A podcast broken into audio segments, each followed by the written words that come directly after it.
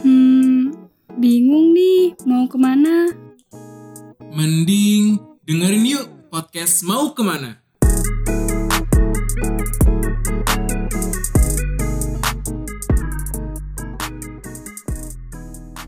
Kali ini kamu lagi dengerin mau ke IPB, ex duta IPB yang bikin masa remaja kamu jauh dari kata labil.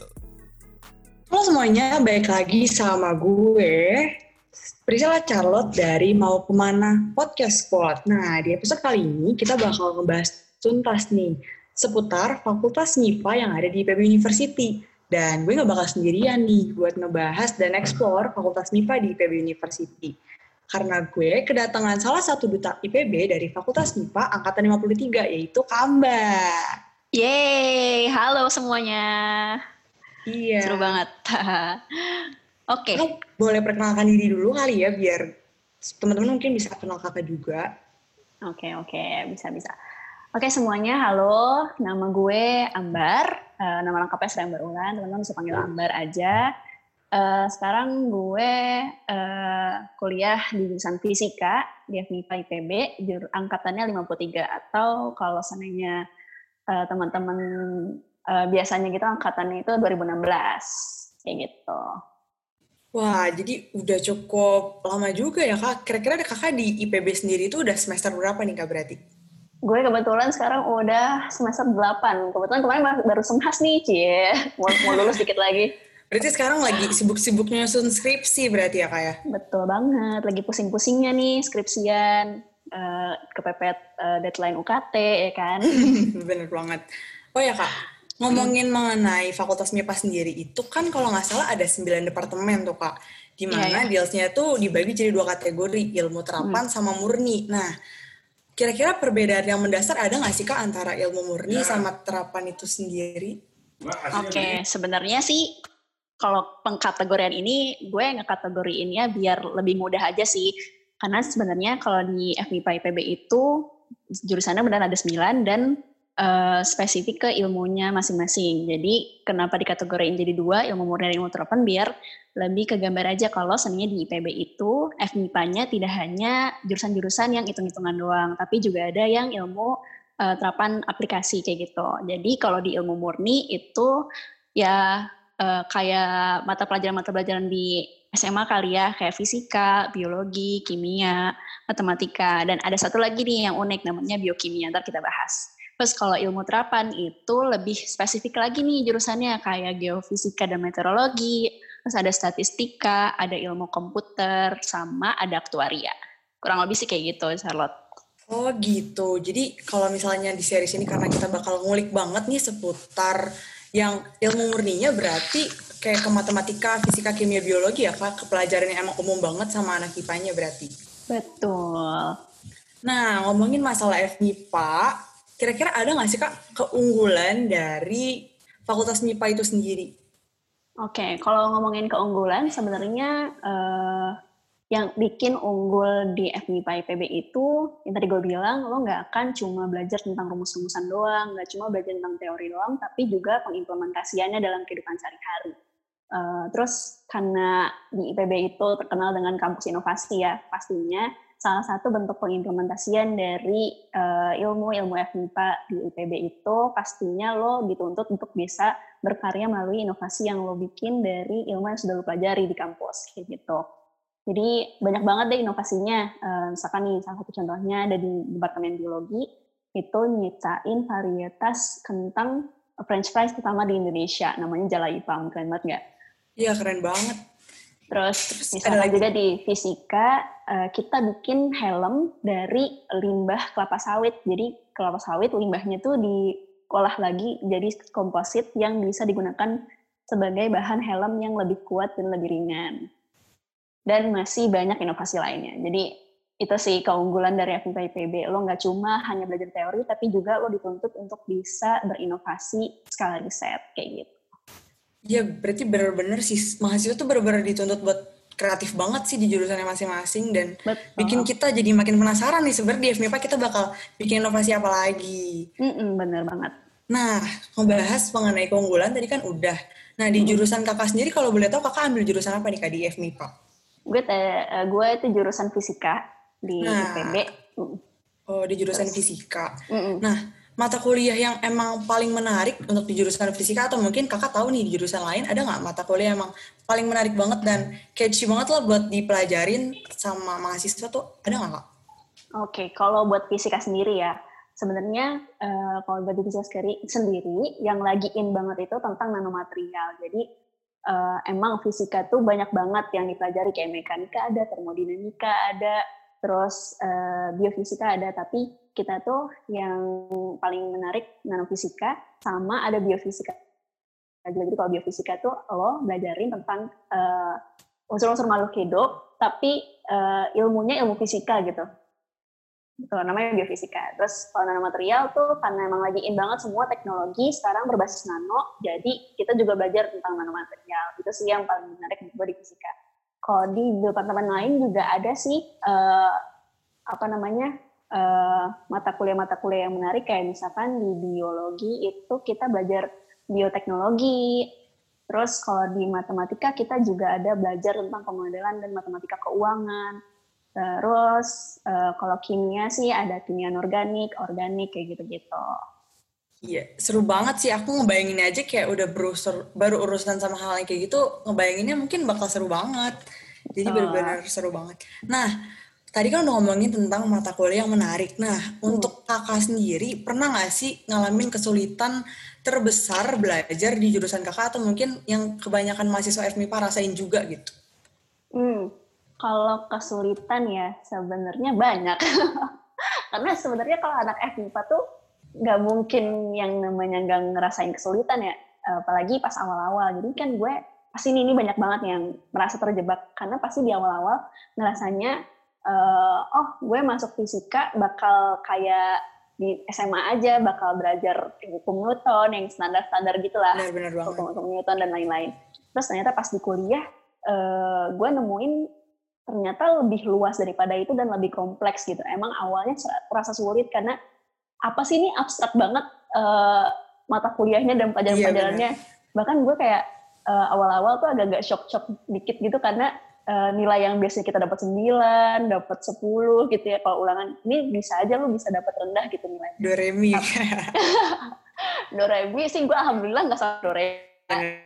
ya di atas di atas lima lah cukup lah gitu itu yang bikin shock agak awal-awal tapi lama-lama gue menyadari bahwa kalau di kuliah itu sebenarnya bukan perkara nilai tapi apa ilmu yang lo pelajari dan bagaimana lo mengimplementas- mengimplementasikan ilmu yang lo pelajari dalam kehidupan sehari-hari itu jadi kayak eh, masalah nilai sih sebenarnya itu bonus menurut gue yang penting eh, apa makna dan apa yang lo pelajari itu yang harus lo dalami kayak gitu sih Ya keren banget sih. Jadi bener-bener setiap jurusan dan mahasiswanya bener-bener harus bisa take handle banget lah mengenai kesulitan pasti ada. Tapi gimana caranya dia bisa ngadepin setiap kesulitannya itu bener-bener secara baik dan termotivasi terus gitu kali ya kak. Yoi. Eh sebelum lanjut, gue mau tanya dulu nih sama Charlotte. Boleh Kan tadi gue udah bahas MTK, ada MTK, ada fisika, ada kimia, sama biologi. Lo tau nggak kalau di PB juga ada jurusan biokimia? Enggak tuh baru tahu kalau misalnya biokimia. Emang kayak apa sih kak jurusannya kalau boleh tahu? Nah, kalau biokimia, jadi sebenarnya eh, biokimia itu adalah gabungan eh, ilmu biologi dan kimia. Jadi biasanya penerapannya itu dalam eh, industri farmasi, farmasi kayak gitu. Jadi misalkan nih lo eh, belajar unsur-unsur kimia atau proses-proses kimiawi dalam makhluk hidup. Kayak gitu-gitu sih belajarinnya. Dan itu cuma ada di IPB. Bener-bener langka banget. Berarti Langka banget. mas mas harus banget dikejar berarti ini jurusan. Tapi Yoi. ini untuk jurusan ini udah banyak peminatnya atau masih sepi nih kak kalau boleh tahu? lumayan sih, lumayan banyak peminatnya. Cuman emang karena sangat jarang ya terdengar ada biokimia gitu di Indonesia. Jadi mungkin banyak orang-orang yang belum tahu kalau ada loh jurusan FMIPA yang spesifik eh, untuk mempelajari hal-hal yang berbau obat-obatan kayak gitu. Iya, jadi emang biokimia itu harus dikulik juga nih sama teman-teman yang nantinya bakal masuk jurusan ini. Betul. Nah, berbicara mengenai kuliah yang paling menarik dan kesulitan juga udah. Selain itu, ada juga nggak sih Kak, hal-hal yang menarik yang pengen kakak sampein juga lewat FMIPA? Kayak misalnya stereotip yang terbentuk di kalangan pelajar kan bahwa bakal utak-atik rumus tiap hari. Hmm. Praktikum pakai jas putih bolak-balik. Kayak kelihatannya suntuk. Atau sebenarnya nggak kayak gitu ketika kakak udah masuk di jurusannya. Atau gimana tuh kak? Boleh diceritain nggak? Nah, eh jujur gue selama menjadi mahasiswa FMIPA ya, emang awal-awalnya kayak nemuinnya anak-anak yang nerd, pakai kacamata, bawa buku gitu-gitu. Cuman ternyata nggak cuma itu lingkungan yang terbentuk. Jadi kalau di FMIPA itu emang ada budaya yang namanya eh, kompetisi olahraga dan seni. Namanya kalau nggak salah spirit ya. Jadi spirit itu kayak semacam OMI. OMI itu skala IPB. Jadi Olimpiade eh, olahraga dan seni di FMIPA-nya sendiri gitu. Terus gue sadar akhirnya ketika mengikuti ajang itu menyadari bahwa ternyata anak-anak FMIPA itu bukan cuma anak-anak yang nerd aja gitu, nggak cuma anak-anak yang buku doang yang emang belajarnya rumus-rumus aja, tapi juga ada juga kok anak-anak yang berbakat banget di bidang seni, di bidang olahraga, bahkan kita saking, maksudnya beragamnya gitu ya, nggak cuma anak-anak yang kayak gitu-gitu doang. Uh, untuk bagian olahraganya, aerobik kita pernah juara satu di OMI, di OMI PB. Gitu. Ya, Itu membuktikan bahwa sih. membuktikan bahwa anak-anak FMIPA juga bisa kok uh, stand out di bidang lain gitu kayak olahraga dan seni dan lain-lain kayak gitu. Jadi kita nggak cuma pinter dari otak doang, tapi juga kita juga bisa berbakat juga. Gitu. Iya. Jadi nggak perlu khawatir sih kalau seandainya kalau lu masuk FMIPA terus lu bakal jadi orang-orang yang kutu buku cuma kupu-kupu doang, tapi lu juga bisa kok aktif dalam organisasi. Nah, keren Gitu. banget. Gue sebagai seorang yang mendengar langsung dari dutanya jadi speechless. Berarti bener-bener punya time managing yang keren banget gak sih? Kayak mereka bisa imbangin kesibukan rutinitas kuliah di jurusannya, tapi juga bisa aktif gitu di luar organisasi. Benar banget. Benar-benar. Nah, itu keren banget sih. Terus nih kak, eh, ngebahas mengenai FMIPA kan tadi udah tuh. Bener-bener dari jurusannya apa aja, mata kuliah paling menarik, sampai pokoknya banyak banget deh. Nah, kita sekarang bakal switch topik mengenai kehidupan pergaulan di FMIPA IPB itu sendiri. Bakal jadi pergaulan yang ansos ambis atau justru friendly dan santai tuh kak buat mahasiswanya. Oke, ini lo nanyain secara general berarti di FMIPA ya? Perga- apa sih apa lingkungan pergaulannya? Kalau lingkungan betul. pergaulannya, gue sih ngerasanya ya sejauh ini selama jadi anak FMIPA, khususnya anak-anak fisika, eh, untuk lingkungannya sebenarnya gue merasa terbantu karena ya misalnya nih awalnya gue emang suka nih fisika, terus di awal-awal tadi gue ceritain kalau gue ngerasa kesusahan karena ternyata fisika tuh abstrak itu gitu. Tapi ternyata eh, gue sang gue bisa bertahan sampai sekarang karena gue punya teman-teman yang saling support gitu. Jadi kita tahu karena kita sama-sama merasakan kesusahan di mata kuliah dan di Gimana? jurusan kita, mungkin akan terasa juga di eh, departemen-departemen lain karena sama-sama saintis. Eh, jadi gue sih ngerasa teman-teman gue cukup support untuk gue bisa bertahan sampai sekarang kayak gitu. Itu yang pertama. Eh, jadi kayak lingkungan pergaulannya itu ya emang kalau untuk belajar ya gue merasa terdukung dan terbantu banget sih buat belajar. Jadi dan karena juga kita kampusnya di Dermaga ya jauh dari permolan, jauh dari Iya, iya, iya, iya, perkotaan gitu. Jadi gue emang nggak banyak main justru di kampus, lebih banyak eh, belajar dan organisasi kampus aja kayak gitu.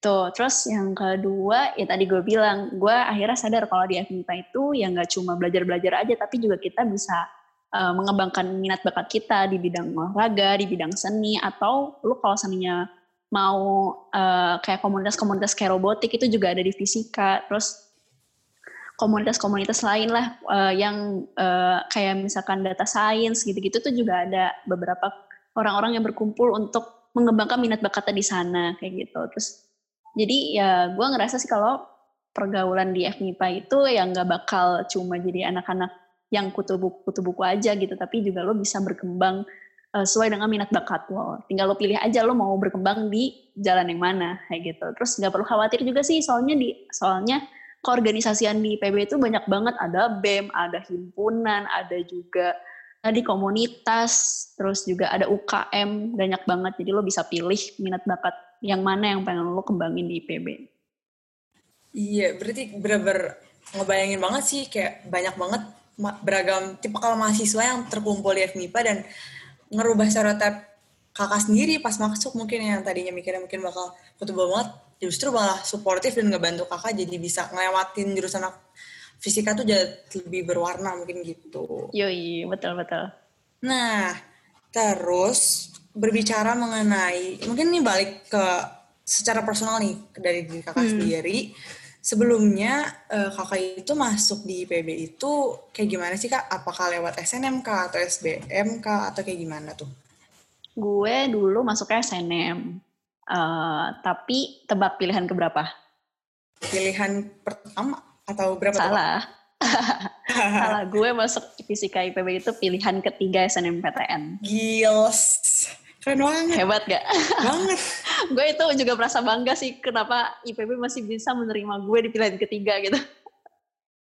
Karena orang-orang mikirnya biasanya SNMPTN itu lo harus milih pilihan pertama anjir kalau Biar masuk. nggak- Iya bener. Iya, kalau seandainya nggak ngambil di pilihan pertama, ya bakal ditolak sama PTN karena PTN nggak mau di nggak mau diduain gitu kan. Betul, betul, betul.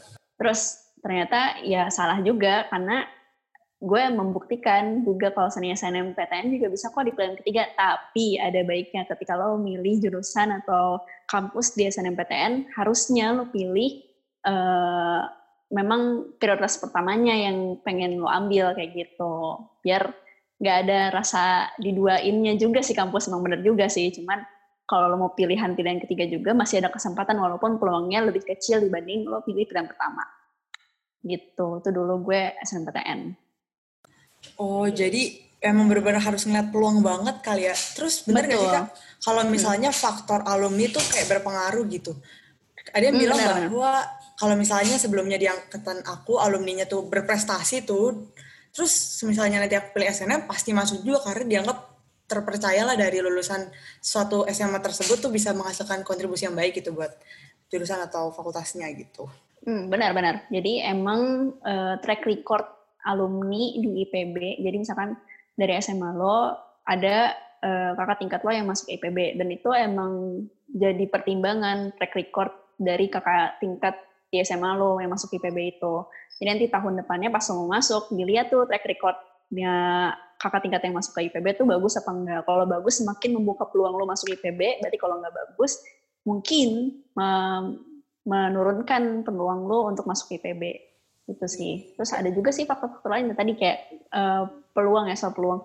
Jadi kalau seandainya tips and trick nih SNMPTN buat anak-anak SMA. Jadi pertama lu pilih eh, jurusan di prioritas pertama ya pilihan pertama atau pilihan kedua.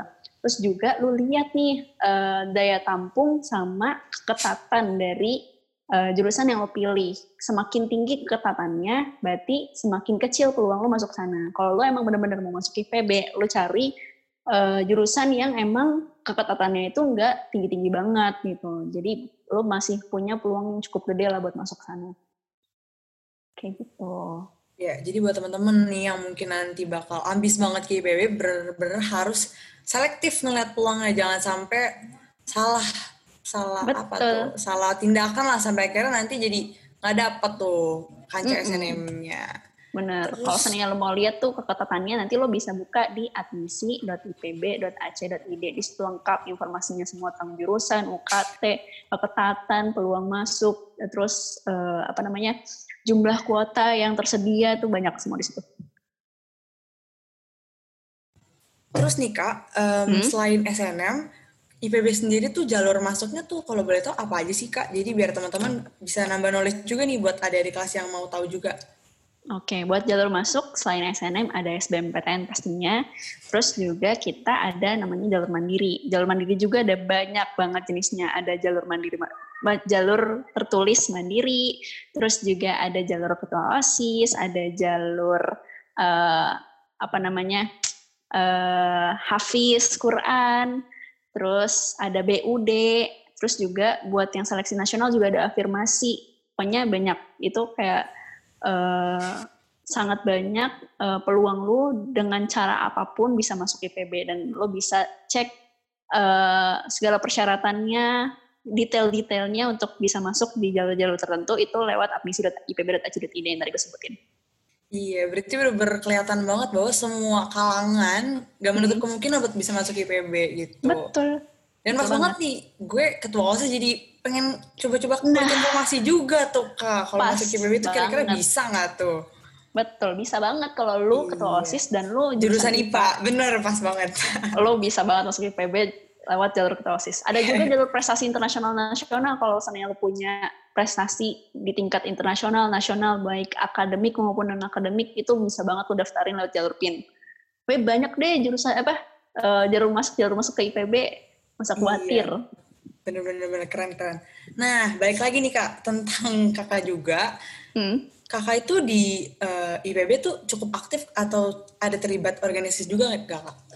Sekarang ini. Eh, Oke, gue waktu jadi mahasiswa, sekarang masih mahasiswa juga ya.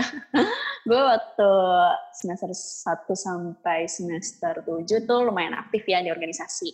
Salah satu organisasi yang gue ikutin tuh namanya IPB Mengajar. Jadi emang organisasinya ini eh, terdiri dari anak-anak yang suka anak kecil, suka ngajar, terus mau turun ke desa kayak gitu. Seru banget sih. Gue sangat belajar banyak dari IPB Mengajar karena belajar dari masyarakat sih sebenarnya. Jadi kalau kata kata orang organisasi mengajar atau pengabdian itu orang-orang yang belajar dari lo justru salah. Kalau lo ikutan organisasi kayak gitu justru lo yang belajar dari mereka. Kayak gitu. Terus juga gue paling aktif di IPB Mengajar. Terus juga sebenarnya beberapa aktif di komunitas sih, tapi eh, banyak anak IPB cuma di luar IPB kayak gitu terus ikut-ikut lomba, terus sempat dapat eh, nominasi juga sebagai mahasiswa teraktivis sosial, Wow. terus mahasiswa berprestasi di fisika juga waktu 2018 kalau nggak salah. Apalagi ya? Ya, gitulah. Keren banget pencapaiannya bener-bener sangat memotivasi. Iya, karena sayang, karena menurut gue sayang kalau lu eh, kuliah cuma Betul, kuliah betul. aja. Ih, sayang banget, Parah. kesempatan gue ngerasa waktu kesem- kesempatan di kuliah itu tuh sangat amat luas dan banyak gitu jadi kalau lu nggak ambil kesempatan itu sayang banget waktu lu empat tahun terbuang sia-sia untuk belajar doang karena Itu dia, Nanti- banget. Pasca kampus yang dibutuhin tuh bukan cuma nilai tapi juga pengalaman lo selama di kuliah Iya. gitu Menu-menuin apa namanya CV kali ya. Kayak pencapaian-pencapaian. Betul. betul sekali Nah, Kak, terus Kakak kan pasti udah semester terakhir atau mungkin waktu itu ada fase di mana Kakak tuh bingung mungkin cara ngatur waktu antara kesibukan organisasi sama kehidupan kuliah. Hmm. Kalau boleh tahu tips and triknya gimana tuh Kak supaya bisa nyimbangin dua-duanya? Oke, buat nyimbangin ya sebenarnya em, agak sulit sih dulu karena eh, karena ada saatnya gue pernah terlena untuk ikutan organisasi sebanyak-banyaknya Hmm. gitu dibanding eh, fokus dalam kuliah kayak gitu. Tapi akhirnya eh, gue semakin lama semakin belajar bahwa kuliah juga nggak boleh ditinggalin kayak gitu. Tapi alhamdulillah nih selama gue aktif di organisasi, PK gue nggak turun dari tiga sih alhamdulillahnya kayak gitu. Wow. Jadi eh, caranya adalah ya lo bisa apa namanya eh, ngatur kalau seandainya waktu kuliah ya lo benar-benar kuliah, lo catat mata lo catat pelajarannya, lo dengerin dosennya.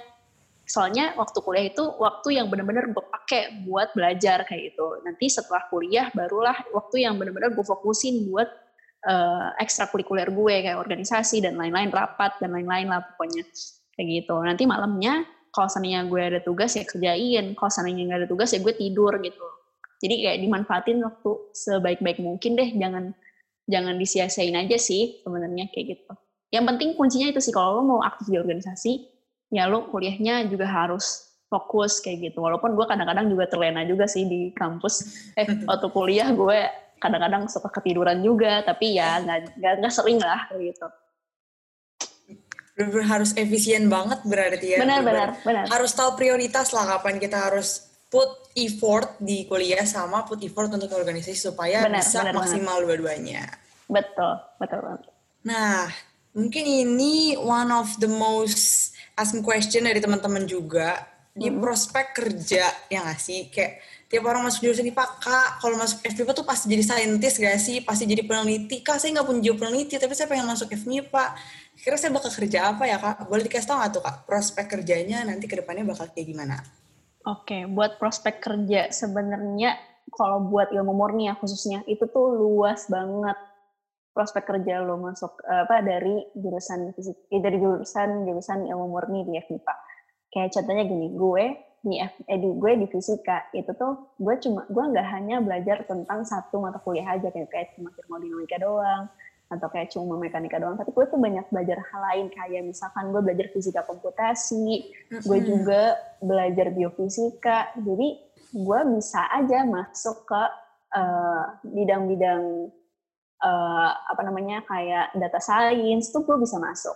Terus kalau seandainya gue mau uh, masuk ke ranah-ranah robotika mekanika itu juga gue bisa masuk. Terus juga kalau seandainya gue mau masuk ke bidang bio bio biomedis.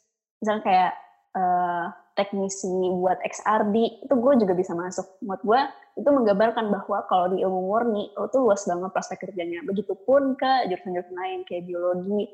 Lo bisa uh, bekerja di bidang industri pangan kayak gitu. Terus kalau misalkan matematika lo juga bisa uh, masuk ke prospek-prospek kerja kayak buat um, apa namanya uh, apa sih kalau misalnya misalkan di suatu perusahaan nih butuh uh, orang yang bisa memodelkan atau melihat masa depan hmm. uh, nya perusahaan benar, benar. kayak data data sainsnya kayak gitu-gitu terus kimia juga bisa industri kosmetik industri obat-obatan banyak banget kan biokimia juga lebih spesifik lagi lo bisa masuk ke industri farmasi pokoknya menurut gue di jurusan jurusan ilmu murni di FMIPA IPB tuh luas banget peluang masuk kerjanya karena lo bisa masuk ke bidang apa pun yang masih linear sama jurusan lo kayak gitu. Ya berarti benar-benar banyak banget dan itu sebenarnya jadi contoh konkret sih bahwa selama jurusan itu masih dibuka di suatu universitas berarti kan masih ada kan peluang kerjanya dan tinggal kitanya aja mau ngulik, mau nyari dan mau tekunin atau bodo amat gitu kan Benar. sebenarnya. Betul. Bahkan lo percaya nggak dari fisika lo bisa masuk ke perbankan? Gils. Berarti bener-bener emang bisa sebisa itu kalau misalnya orang yang iya. mau gitu kan ya. Bener. Kenapa perbankan? Karena di fisika lo juga bisa belajar pemodelan uh, perekonomian. Eh, jadi teman gue ada nih yang peneliti tentang mm -hmm. uh, uh, apa namanya ramalan kurs masa depan dengan pemodelan fisika. Gila. Terus teman gue yang peneliti, eh, teman gue yang meneliti tentang itu, dia diterima di uh, bagian semacam research and development kali ya di yeah, perbankan, suatu perbankan. Gitu. Jadi kayak nggak menutup kemungkinan untuk lo masuk ke bidang pekerjaan apa pun kalau lo ngambil yang murni karena semuanya dibutuhin apalagi matematika matematika kan semua bahasa lebih banyak bahasa ya, betul. bahasa IPA-nya gitu semuanya iya, pasti dibutuhin matematika pokoknya aman sangat lah betul betul betul Nah udah kejawab tuh pertanyaannya teman-teman bahwa emang banyak banget prospek kerja. Jadi nggak usah khawatir bahwa patokannya bakal jadi peneliti, buang tuh stereotip jauh-jauh ya kakak. Betul. nah, we are going to closing statement juga bahwa hmm. mungkin teman-teman yang ada di kelas 12 sekarang butuh banyak motivasi nih kak. Apa sih yang emang harus jadi hmm. tips and trick mereka mempersiapkan amunisi buat mereka siap mental, secara mental, mungkin secara otak juga mereka juga harus siap untuk bisa hmm. masuk hmm. ke FMIPA IPB University. Oke. Okay. Tips and trick buat gue dulu waktu SMA uh, eh, ini tipsnya mungkin harusnya ya buat teman-teman SMA tuh jangan siapkan masa depan kuliah lo cuma dari kelas 12 aja tapi siapkanlah sejauh jauh mungkin ya kalau dari bisa kalau bisa dari kelas ya. 10 gitu Benar. cuman kalau udah terlanjur nih udah kelas 12 tapi belum nyiapin apa-apa ya nggak apa-apa siapin aja uh, mental lo pokoknya uh, rajin-rajin lah uh, latihan soal dari mana pun kalau gue dulu dari buku detik-detik buku SPM apa aja gue oh ya? sikat lah buat latihan soal kayak gitu terus hmm, apa namanya cari jurusan yang memang benar-benar sesuai sama keinginan dan uh, minat bakat yang lo punya. Karena di kuliah tuh justru akan lebih gampang ketika lo menjalani perkuliahan dengan apa yang lo suka gitu. Jangan sampai ya, lo memilih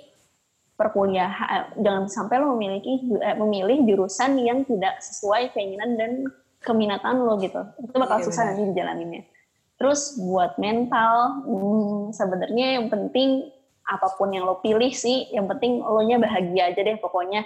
Jangan sampai uh, apa yang lo jalanin tuh justru akan membebani lo sendiri kayak gitu. Pokoknya yang penting apa pun pilihan lo, apa pun yang lo jalanin, yang penting lo bahagia. Wow, benar-benar bermanfaat banget tuh teman-teman motivasi dari Kak Ambar seputar FMIPA. Jadi kita nih sebagai calon-calon sama Mbak IPB harus makin semangat juga nih belajar ya supaya kita bisa saingan sama teman-teman di seluruh Indonesia mungkin bakal masuk FMIPA IPB University juga. Yuhu. Semangat ya semuanya. Semangat iya. juga Charlotte. Iya, anyway, lo mau masuk jurusan apa sih? Kalau aku sih tadinya sempat kepikiran fisika juga karena suka banget fisika juga, tapi uh. bimbang juga sama statistika gitu sih hmm. kak. Oke, okay. tentukan pilihanmu dari sekarang ya. Betul, betul. Oke, okay, semangat ya semuanya. Iya, mungkin sekian dulu kali ya perjumpaan kita buat ngomongin dan ngulik seputar FMIP di IPB University kali ini. Makasih juga Kambar buat kesediaannya. Ya, dan ya, stay juga. tune di podcast Mau Ke mana. Yeay. Podcast Mau Ke mana? Temuin arah kamu di sini.